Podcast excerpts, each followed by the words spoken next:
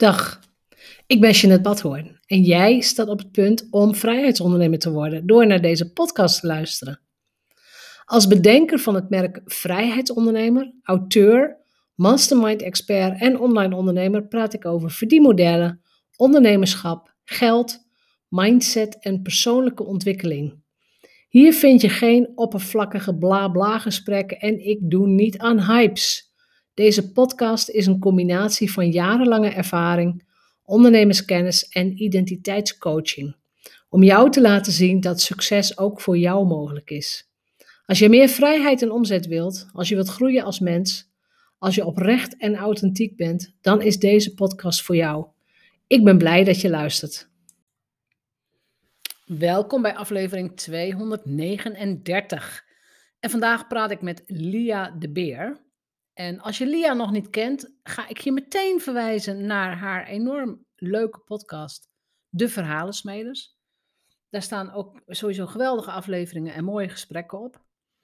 Vandaag zoomen wij in op hoe is het om, nou ja, eigenlijk op je zestigste te floreren als ondernemer.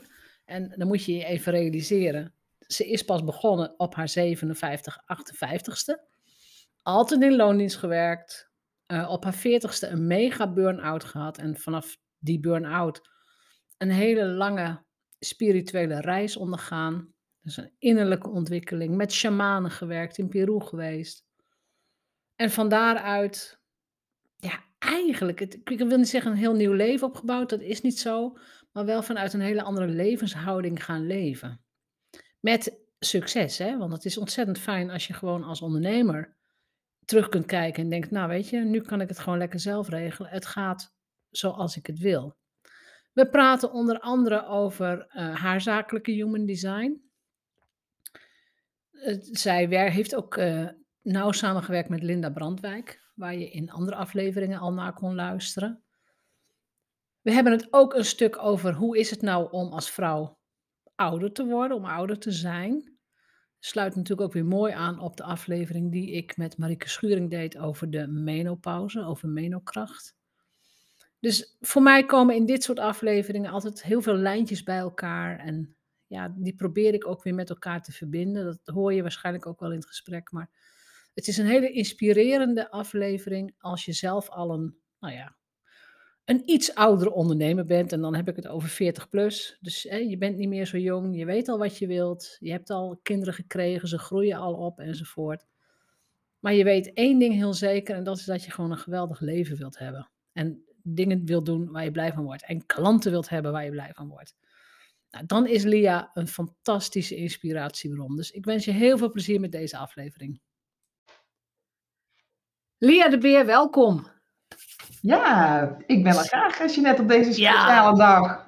Ja, nou, laten we eerst even beginnen met gefeliciteerd met je verjaardag. Want we nemen dit op op de dag dat jij jarig bent. Ja, dankjewel. Dat is echt heel, sowieso heel fantastisch. En je hebt wel een, ja, toch wel een magische leeftijd bereikt. Ja, Sweet 60, hè? Sweet, sweet 60, ja precies. Ja. Ladies and gentlemen, ja precies. Nee, dan gaan we, als het goed is, als we gewoon gezond blijven, gaan we er allemaal naartoe. Nou, ik gun het jullie allemaal, want het is een fantastische leeftijd. Ik kan het je ja, zeggen. Nou, precies. Daar gaan we het ook gewoon lekker over hebben. Eerst jou nog even een beetje deftig voorstellen. Als mensen jou gaan googlen, dan zien ze twee bedrijven. Ze zien een consultancybedrijf, dat is eigenlijk jouw, ja, jouw oude leven misschien, om het zo te zeggen. En ze zien een nieuw bedrijf, Verhalensmeders. Ja, vertel, vertel, ons eens wat de afgelopen, ehm, laten we zeggen, begin eens vanaf je veertigste. Wat is er met jou allemaal gebeurd? Oh, wat is met mij allemaal gebeurd? Nou, op mijn veertigste kreeg ik een, uh, een mega burn-out. Ja. Uh, ik had een jong gezin, drie kinderen, ik werkte fulltime. Uh, ik, had, ik werkte daarnaast ook, want sociaal moest je natuurlijk ook wat dingen doen, hè, of in de maatschappij. Dus ik was ook nog fractievoorzitter van, van een coalitiepartij, dus de, heel veel dingen. En uiteindelijk ging het, uh, ging het licht uit. Dat is een uh, echte periode geweest waarin ik heb geleerd weer te gaan voelen. Ik had ja. al jaren afgesloten van mijn gevoel. Eigenlijk van kinds af aan al uh, heb ik vanaf mijn vijfde besloten dat ik nooit meer zou huilen. Nou, dat is vrij aardig gelukt tot ik veertig werd en die burn-out kreeg. Toen kon ik letterlijk om elke reclame huilen. Dus het leek wel of hè, of het gevoel. De sluizen gingen open. Ja, die snelkookpan die klapte uit elkaar. En, ja.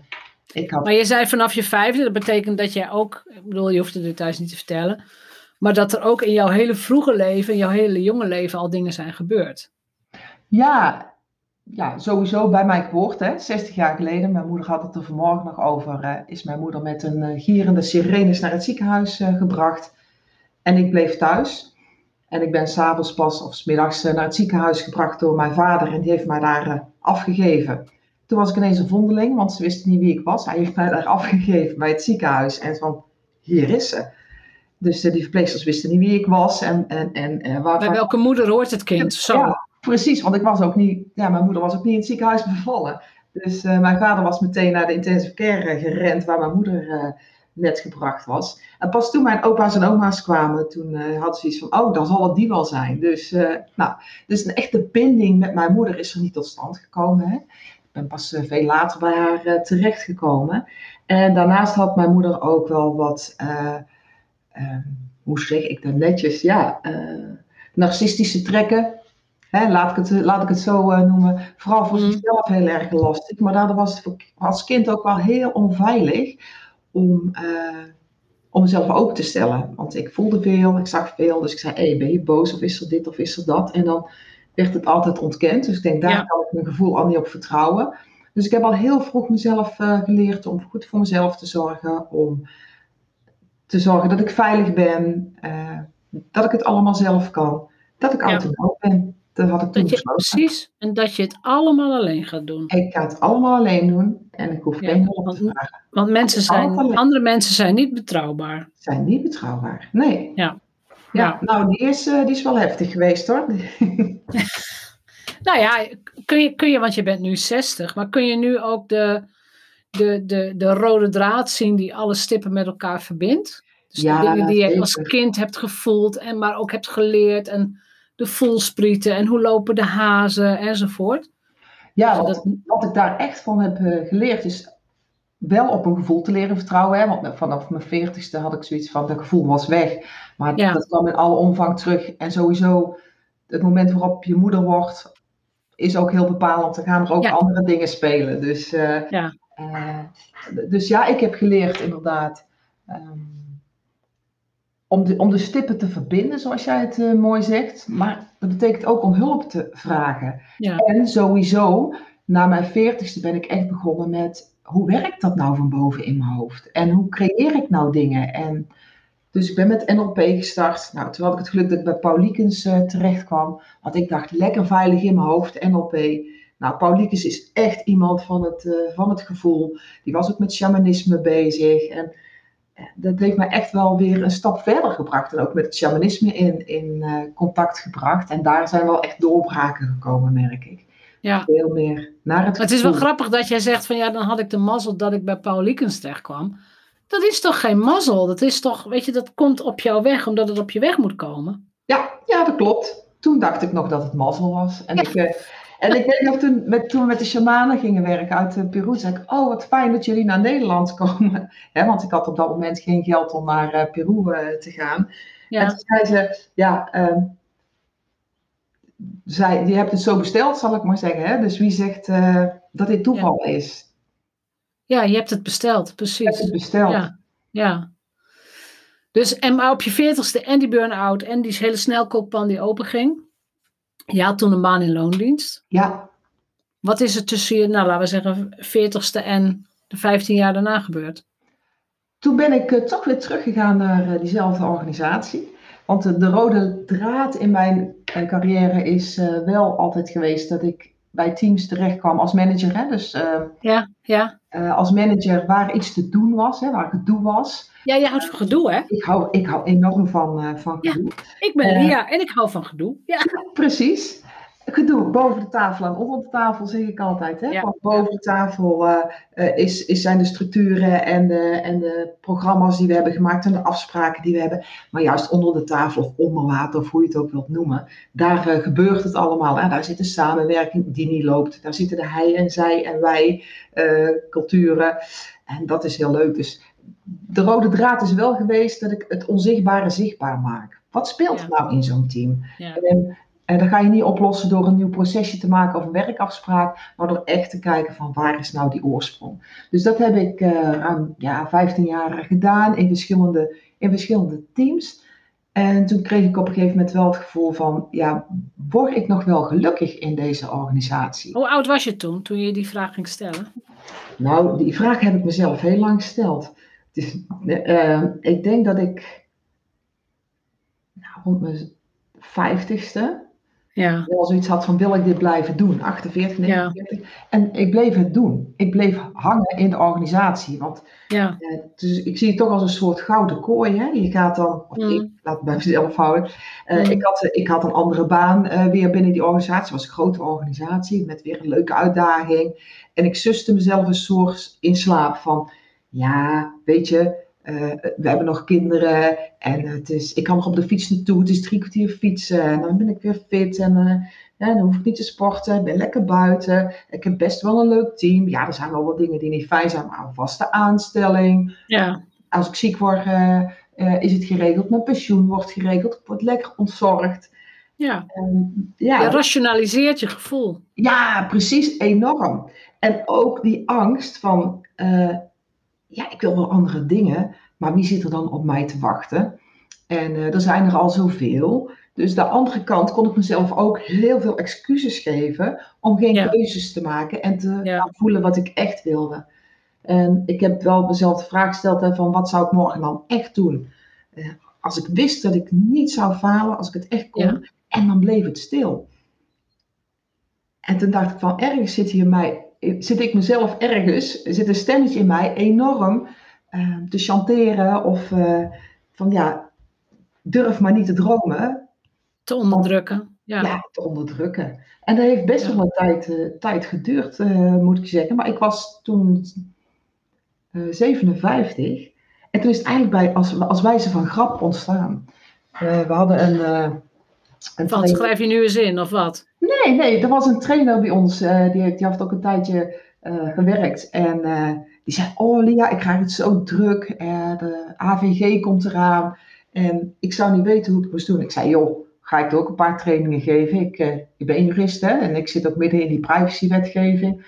Ik ga ja. gewoon, dan ga ik een training geven. Ja, zei ze, leuk, want nou, niet meer over gehad. En twee weken later zaten we aan tafel voor een kopje koffie. En zei ze, joh, ehm, morgen is er een bijeenkomst. Dan stel ik je even voor aan, uh, aan een aantal mensen. Want ik heb je, je hebt al twee trainingen over twee weken. Dus toen zat ik met klotsende oksels van, wat gebeurt hier? En, ja, uh, andere mensen regelen het dus voor je. Ja, het werd gewoon, ik werd uitgenodigd, zal ik maar zeggen. Ja, ja, en, uh, daar komen we zo nog op, ja. Ja, en twee weken later, toen dacht ik, ja, weet je, wie A zegt, moet ook B zeggen. Het is een veilige start, één dag in de week, nevenwerkzaamheden aanvragen, werd goedgekeurd, inschrijven bij de Kamer. En twee weken later sta je dan voor zo'n groep. Ja. En, en toen dan begin je. Ja, en dat is één dag voelde je, voelde je toen ook al een beetje als mevrouw de ondernemer? Of, of nee, nog niet? Nee, nee, toen voelde ik me nog niet mevrouw de ondernemer. Maar toen had ik wel zoiets van, dit is leuk. Dit is leuk. Ja, ja, ja. die facturen versturen. Die vond ik ook wel leuk. Want toen dacht ik, nou, het stroomt wel lekker binnen zo. En uh, ik verdien hier veel meer mee dan in dienstverband. Natuurlijk moet je hè, wel rekenen, je moet straks alles regelen als ondernemer. Ja. Dat hoef je niet te vertellen. Klopt. En ik vond het ook heel leuk om uit die organisatie te zijn, in andere organisaties binnen te komen, die sfeer te proeven, kijken hoe loopt het, denk van, oh ja, hè, ja, Daar, daar, kreeg ik energie van. En dat was ook een stuk vrijheid. Zo van, Weet je de dag nog waarop je je inschreef? Heb je dat, dat ook vastgelegd? Nee, die heb ik niet vastgelegd. Terwijl ik heel erg van de rituelen uh, ben. Ja, dat die is, heb ik dus niet vastgelegd. Wat leuk. Wel een, het is echt wel een hele belangrijke stap uiteindelijk geweest. Maar toen dacht je nog misschien, oh, ja, het is kijk wel even. Het is een bijdingetje, zal ik maar zeggen. Ja. Uh, en mijn afdelingshoofd, die, die vroeg ik elke keer van, uh, ja, wat ga je nou doen? Want dan kunnen we een beetje rekening houden. Ga je nou meer? Ik zei, nou, weet je, alleen trainingen geven word ik niet blij van. Er moet iets meer komen, want ja, zo'n trainingenboer, uh, dat, dat past niet bij mij. Een keer een training leuk. Ja, en dan voel je me al wel aan. Mm. Ik kan blijkbaar redelijk goed bestellen. Ja, toen kwam, ja, je bestelt het gewoon. Ik ja. bestel het gewoon. Dus zo voelt het niet, maar zo was het wel. Toen kwam vanuit de brancheorganisatie, eh, de landelijke brancheorganisatie, de vraag van... God, Lia, zou jij niet een privacy dossier willen maken? Met alles van de wet en regelgeving, van de leerplicht en uh, de vraag en antwoord. Zei ik, nou is leuk, ga ik in de vakantie doen. Dus ik heb in de vakantie, waar het hele mooi weer was, lekker op de Vinkenveense plassen gezeten. En die training gemaakt. Denk, oh geweldig dit. Dus toen had ik het tweede ding er al bij. Ja. Dus, uh, maar toen was het nog niet genoeg. Toen zei ik tegen mijn afdelingshoofd, ja weet je, dit is ook nog, ja, dit, dit alleen is het ook niet. En uiteindelijk uh, merkte ik wel dat ik, dat ik uh, een keuze moest maken. En toen heb ik tegen haar gezegd, ik weet nog niet hoe. Ik ga voor mezelf beginnen, geef maar even. Ga jij iemand werven? Ga ik langzaam wat minder werken? En dan bouwen we het in drie, vier maanden af. En dan, is, dan, moet ik ook, dan heb ik die knoop ook doorgehakt, anders blijf ik hangen. Ja. Ja, en, hoe oud was je toen? Herhaal dat nog even. Toen was, je? was ik al best uh, op leeftijd, zal ik maar zeggen. Uh, toen was ik uh, 57. Ja, maar dat is echt belangrijk dat we dat dus ook gewoon noemen. Je kunt dus gewoon op je 57ste beginnen en dan besluiten: ik ga hier gewoon een goede business van maken. Ja, precies. En, uh, en, en, en het gaat stromen. Of het is, het is al gaan stromen natuurlijk. Het is al gaan stromen. Want ja, weet je, ook toen, ja, het klinkt bijna als een sprookje, maar als ik hem terug vertel. Want het is best spannend om die keuze te maken. Hè? En die, slaat niet, ja. uh, die maakt het niet kleiner dan wat die is. Maar op het moment dat ik dus met mijn afdelingshoofd had afgesproken dat ik minder zou gaan werken. Uh, toen hoorde ik dat er een, uh, een collega uit een regio wegging. Dus ik feliciteerde hem en ik zei, voor de grap. Als je nog een interimmer nodig hebt, ik ben vanaf nu voor beschikbaar. En zei hij, nou, ik heb over een uur een afspraak met mijn afdelingshoofd. Dus ik laat je even bellen. Jij bent dus heel goed in manifesteren. Ja, behalve als ik, als, als, als ik er dwang achter zet, zal ik maar zeggen. Als ik denk, het moet nee. nu, dan werkt nee. het dus niet. Maar nee, dit gewoon, dus, jou moet dat, ge, dat geintje ertussen zitten. Van, ja, moet oh, voor de grap dit, voor de grap dat. En, oh, oh, het gebeurt. Ja. ja, precies. Ik ben dan bijvoorbeeld ook met een podcast bezig. Daar heb ik voor de grap gezegd van... Uh, ah, ik uh, ga Roger Hodgson aanschrijven. Want ik had uh, een meet and greet. Van de, die was van Supertramp, hè? De, de leadzanger. Die, oh ja, ja. Meet and greet. En ik zou naar een concert gaan. Dat is twee keer niet doorgaan. Ik denk, nou, ik schrijf zijn manager gewoon van... Weet je, het gaat allemaal niet door. Ik heb een leuke podcast. Mag ik hem niet interviewen? Dus wie weet... Um, ja. heb ik binnenkort een podcast met Roger. En dat is de leadzanger van Supertramp? Ja. Oh. Ja, ben ik ook al heel... How interesting. Interesting, how interesting. Ja, en ja. als ik vraag, oh ja, weet je, dit begint weer als zo'n grap. En was, waarschijnlijk hoor ik er niks meer van. Ik zeg maar, stel dat het nou wel is, dan krijg ik toch wel weer die klotsende oksels. Want dan denk ik, oh ja, en mijn Engels. En dan moet ik aan hem vragen. Dus, uh, maar we gaan het zien. Ja. Je ja, weet het nooit. Ja, ik, ik denk dat hij ja zegt. Want die man heeft ook al twee jaar niet opgetreden. En die, ja, die is natuurlijk ook, die wordt er ook niet jonger op. Nee, misschien, nou, pardon. En ik heb een hartstikke mooie podcast. Dus uh, misschien, ja. Hè? We gaan het gewoon, hij moet blij zijn als hij mag komen. Ja. nou heb jij de afgelopen, want weet je, dan is het nog maar drie jaar. Heb je ja. twee bedrijven al. Um, tenminste, één heb je al opgebouwd. Ja. Draait als een dolle. Ja. Uh, maar jij dacht, dit is nog niet helemaal mijn happy place.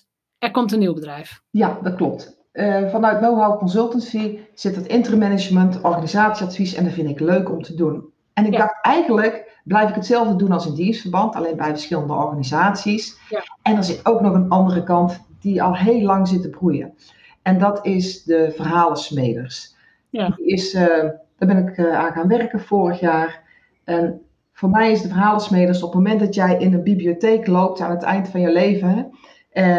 Waar staat dan het boek wat jij van je leven hebt gemaakt? Is het ergens een boek waar een ander alles in heeft geschreven? Of heb Ja, je een uh, precies. boeketreeksje? Of heb je een horrorverhaal? dus veel meer vanuit de metafoor van de verhalensmeders. Hè? Je smeet je eigen verhaal. En Ja. waar jij nu staat in je leven, dat verhaal heb je zelf geschreven. Ja. En als jij nu al weet hoe jouw leven eruit ziet eh, over vijf jaar, tien jaar, als je in je boek kijkt. En je denkt, ik heb een perfect leven. Denk vooral blijven doen. Maar wanneer je denkt van ja, weet je, mijn relatie, mijn werk, hmm, ik woon in niet zo'n fijne plaats. Of dan heb je altijd de kans om je verhaal te herschrijven. Dus dat Ja. bewustzijn wil ik veel meer bij mensen brengen. Van ga niet bij de pakken neerzetten en maak een keuze. En als je een Maar, maar ik ben even advocaat van de duivel. Wat kan jou het schelen dat al die mensen een beetje droefsnoeterig op hun baan zitten? Why do you care? Ja, why do you care? Dat heeft ook heel erg te maken met mijn design, zal ik maar zeggen, en met wie Ah. ik ben.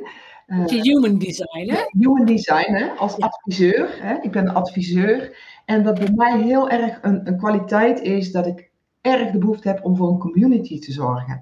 En te ja. zorgen dat degenen die in mijn inner circle zitten, zal ik maar zeggen, of in mijn community, ja. dat het daar goed mee gaat. Ik ben niet verantwoordelijk dat het met hun goed gaat, maar ik kan hun, hun ondersteunen, hun begeleiden wanneer ze het aan mij vragen om een volgende stap te zetten. En ja, ja, ja. Je, dat kun je, je kunt het niet. Eigenlijk, het, het, kan niet zo zijn dat het alleen met jou goed gaat en de rest van jouw inner circle.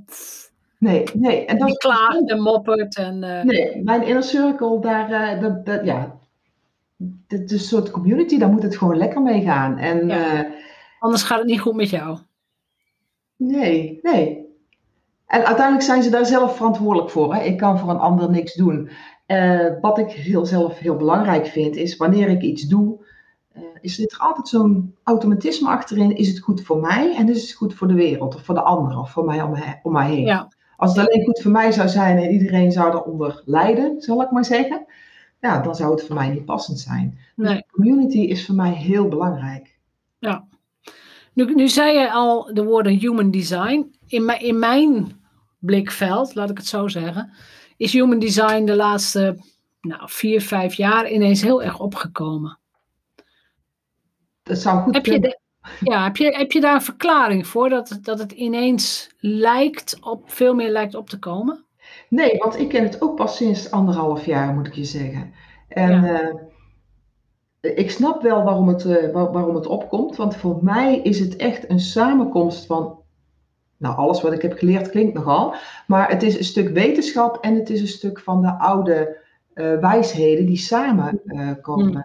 En het mooie van human design is dat je kunt zien welk design ik heb. Hè? Want in het begin had ik zoiets van, oh ja, heb je weer iets met van die hokjes. Uh, mm. Maar human design heeft wel typeringen. Dus verschillende soorten mensen. Maar elk design is uniek. Zelfs ja. als je een een-eiige tweeling hebt is, hebben ze toch nog een eigen design met eigen kwaliteiten. Omdat het punt van je geboorte uh, wordt genomen. En je wordt nooit tegelijkertijd geboren. Er zit altijd iets van tijd uh, tussen. Dus ja. dat tijdstip is, uh, is belangrijk. En ik vind daar het mooie van dat er heel erg gekeken wordt naar drie maanden voordat je geboren wordt. Zijn in feite je, nou zeggen ze, je onbewuste kwaliteiten.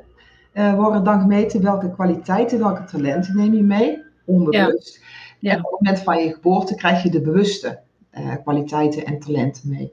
Nou, daarbij heb je nog allerlei andere uh, poorten waarin je kwaliteiten zijn, waarin je sterk bent. Je hebt gedefinieerde kwaliteiten, zal ik maar zeggen, wat echt je, je kwaliteiten zijn waar je op mag vertrouwen.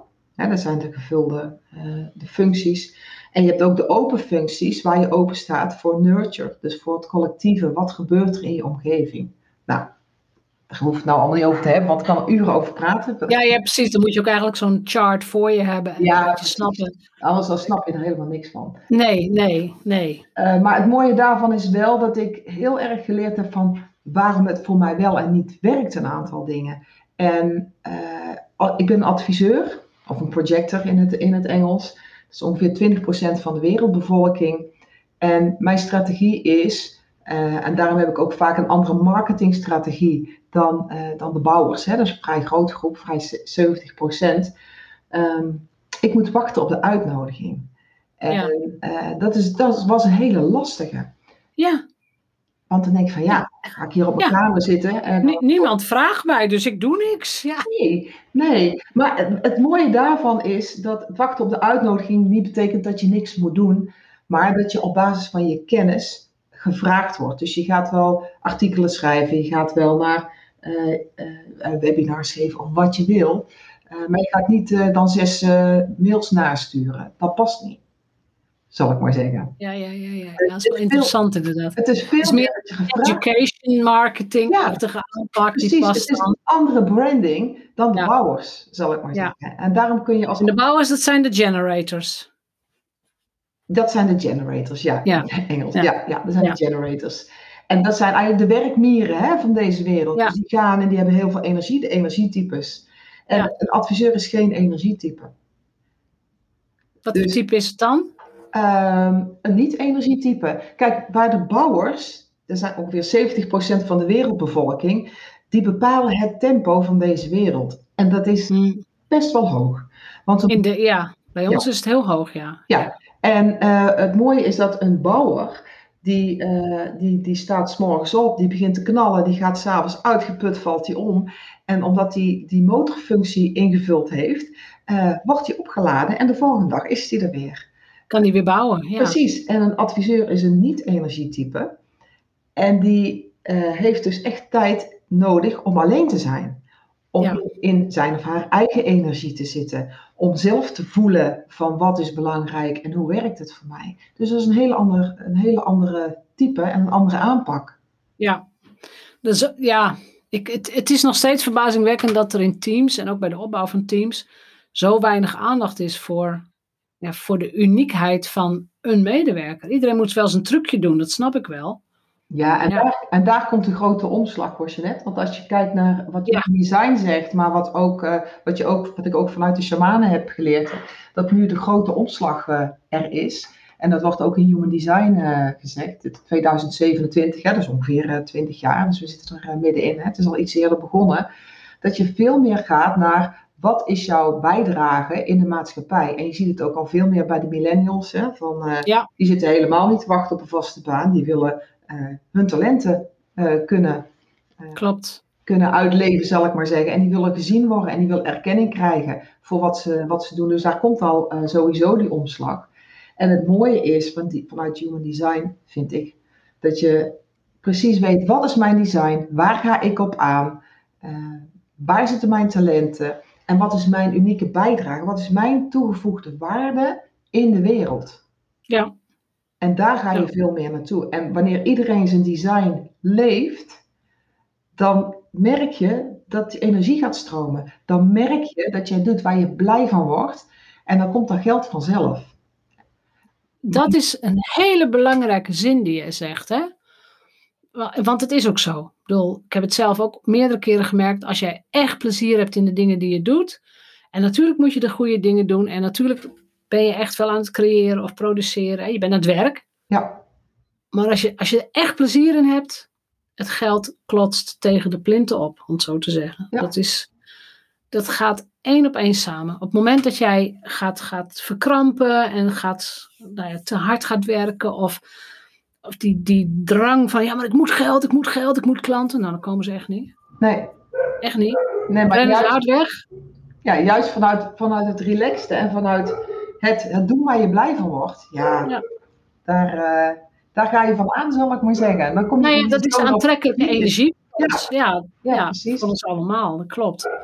Dat is absoluut waar. En nu weet ik ook, dat heb, heb je nog niet eens gezegd, maar jij bent ook bezig met een opleiding rondom human design, maar dan heel erg gericht op business. Ja, klopt. Het is de BG5. Ja, basisgroep 5 zegt nog niks. Maar dat gaat echt op eh, wie ben jij, waar zit je talenten en in welk soort organisaties kun jij het beste tot je recht komen.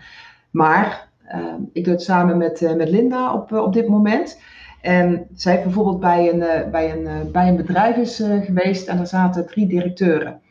En die waren flink aan het eh, groeien en die hadden, want ze waren samen gestart, wat functies aan elkaar toebedacht.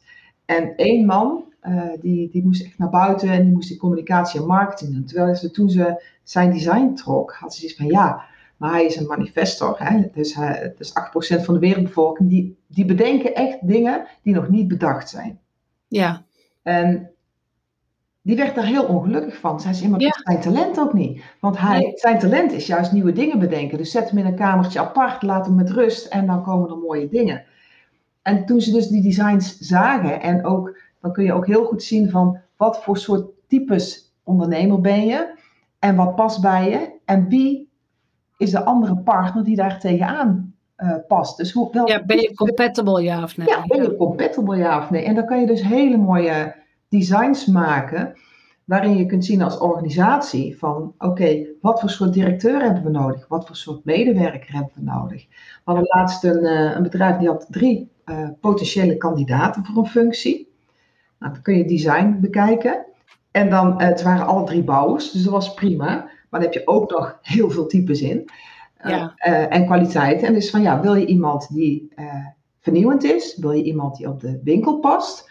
Of wat heb je nodig? En het komt ja. bedrijf zeggen, nee, we hebben iemand nodig die, op, die heel vernieuwend is. Zei dan moet je deze pakken, want dan kun je zien aan zijn ja, design precies.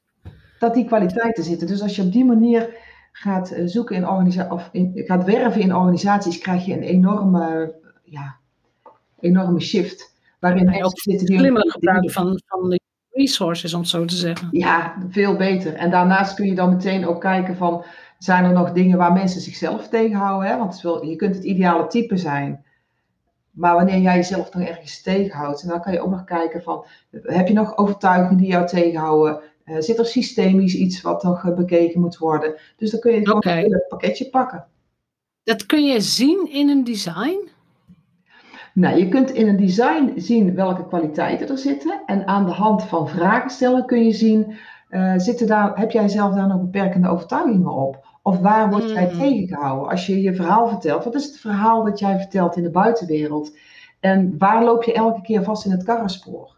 Hè, of waar schiet je in die groef van die langspeelplaten voor de ouderen onder ons? ja, de langspeel. Maar het is, eigenlijk is het dus heel nuttig om om de zoveel jaar je design te bespreken met iemand. Ja, zeker. Van ben ik, hè, am I on the right track, enzovoort. Ja, ja. ja. En het kan je ook heel erg helpen om keuzes eh, te maken. Ik ik heb zelf al bedacht van, jee, als ik dit nu veel eerder had geweten, had ik dan andere keuzes gemaakt. En dan denk ik, ja, dan had ik waarschijnlijk andere keuzes gemaakt. Dat is allemaal achteraf. Maar wat in mijn design bijvoorbeeld blijkt, is dat ik, een, uh, uh, dat ik soms de neiging kan hebben om te lang blij, te blijven hangen in relaties of organisaties wat niet goed voor me is. Ja. En dan denk ik, nou, dan had ik misschien de keuze niet op mijn 57ste gemaakt, maar op mijn 47ste. En misschien ook ja. niet, dat weet je nooit, dat is achteraf. Nou ja, dat, dat, dat, weet je niet, maar het is wel fijn dat de generaties die er aankomen hier nu al veel bewuster mee bezig zijn. Ja, zeker. Want dat is wel zo. Ja, mijn oudste twee uh, dochters die zijn net uh, afgestudeerd en één is aan het afstuderen. Die heb ik ook zo'n profit potential laten maken, hè, zo heet het dan. Van ja, wie ben ik en waar sta ik en wat voor soort organisaties kan ik werken. En dat maakt dat ze wanneer ze op de markt komen, hè, ons middels heeft nu net een baan, begint 1 juni, heel gericht gaan kijken wat voor soort functie past bij mij? Uh, ben ik? Wat hoort daarbij? Wat voor soort organisatie hoort daarbij? Want anders kom je in het veld, in de grote wereld terecht. Ja, waar ga je beginnen? Uh, ga je op alles schieten? Dus hij is heel gericht gaan kijken. En binnen twee maanden heeft ze een baan waar ze helemaal uh, achter staat. Maar waarvan ze ook weet, en ze zei dat was heel fijn in het sollicitatiegesprek. Ik kan precies vertellen wie ik ben, wat ik wil, wat pas. waarom ik hier zou passen. Ja. Dus ze zei, ja, het was een soort van, uh, nou, dit ben ik, dit kom ik brengen. En laat maar weten of ik pas. Ja, precies. Beetje zo. En uiteindelijk had ze, twee, had ze twee banen waar ze uit mocht kiezen. Dus ik denk, ja. ja. weet je, dan kun je ook heel gericht gaan, gaan trechteren. Ja. Wat, wat wil ik? Ja, maar dan, dan werk je en dan handel je dus veel meer vanuit vertrouwen. Precies. Ja. Je eigen kunnen enzovoort. Uh, want ja, we zijn het half uur alweer over. Ik probeer het altijd zo rond een half uurtje te houden. Heb jij, nog, heb je nog laatste adviezen aan met name, meestal luisteren er vrouwen, maar met name vrouwen die misschien al 45 plus zijn en denken, oh, wat dapper van Lia, ze heeft het gewoon gedaan. Heb je nog adviezen? Wat zou je ze mee willen geven? Gewoon, ja, het klinkt, het klinkt als open deur. Volg je hart. En wanneer je denkt, ik weet niet precies hoe het zit, ga in gesprek uh, met mensen die het, uh, die het al doen. En durf vooral te dromen. Hè? Durf op te schrijven, wie ben ik nou? En geef antwoord op de vraag, wat zou ik morgen doen als ik wist dat ik niet kon falen? En, en realiseer je dat je alle ja-maars die komen, dat zijn allemaal beperkende overtuigingen. Allemaal angst. Allemaal angst. Allemaal angst. Dus ja. ik zeg al, ik, ik mag het zeggen, ik ben nu 60. Dus, uh, Jij mag het zeggen. Een beetje denk Ja, ja, ik, denk, ik, denk, ik, denk, dat je het mag zeggen. Ja. Ik ga het gewoon zeggen. Ik ben heel erg tot de conclusie gekomen of tot het inzicht. Sorry, ben jij daar? Ik ben niks, ik doe niks. Sorry, ik, sorry, ik kreeg iets uh, tussendoor. Uh, het kwam bij mij binnen. Um, wat voor mij belangrijk is, is uh, het enige wat schaars is, is tijd. Geld is er genoeg. En ja. elke dag heb je iets minder tijd om te gaan doen wat je echt wilt doen. Dus ja.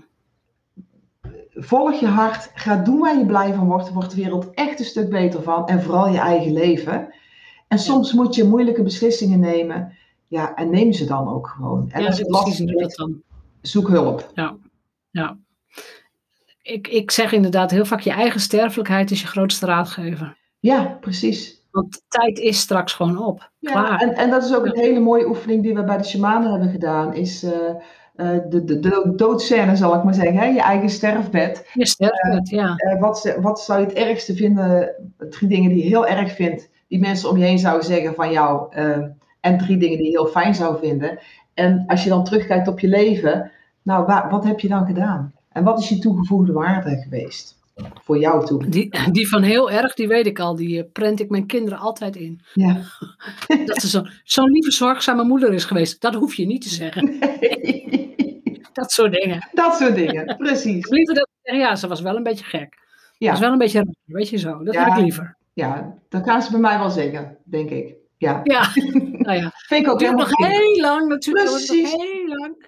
Ja. Helemaal. Maar ik denk wel dat dit een mooie afsluiting is. Van, ja. uh, realiseer je, de tijd is schaars en geld komt altijd terug. Dat stroomt rond de aarde en waarom zou het niet gewoon langs jou stromen? Ja, en het is ook maar een getalletje papier, hè? laten we eerlijk zijn. Ja. Het is een cijfer op papier. We maken het veel groter dan het is. Ja. Belangrijk, volg je hart. Ga doen waar je blij van wordt. En laat je door niks of niemand tegenhouden. Precies. Dankjewel voor dit mooie gesprek. Graag gedaan, Jeanette. En wil jij na het luisteren van deze podcast ook vrijheidsondernemer worden? En dat hoop ik echt, hè? Echt serieus. Dus terwijl je luistert, heb je daar waarschijnlijk al eens over nagedacht. Hoe zou dat voor mij zijn, vrijheidsondernemer zijn? Voordat je helemaal wegdroomt, ga naar janettebadhoorn.nl en boek jouw vrijheidsondernemerscall, jouw, jouw intakegesprek. De link staat natuurlijk in de show notes.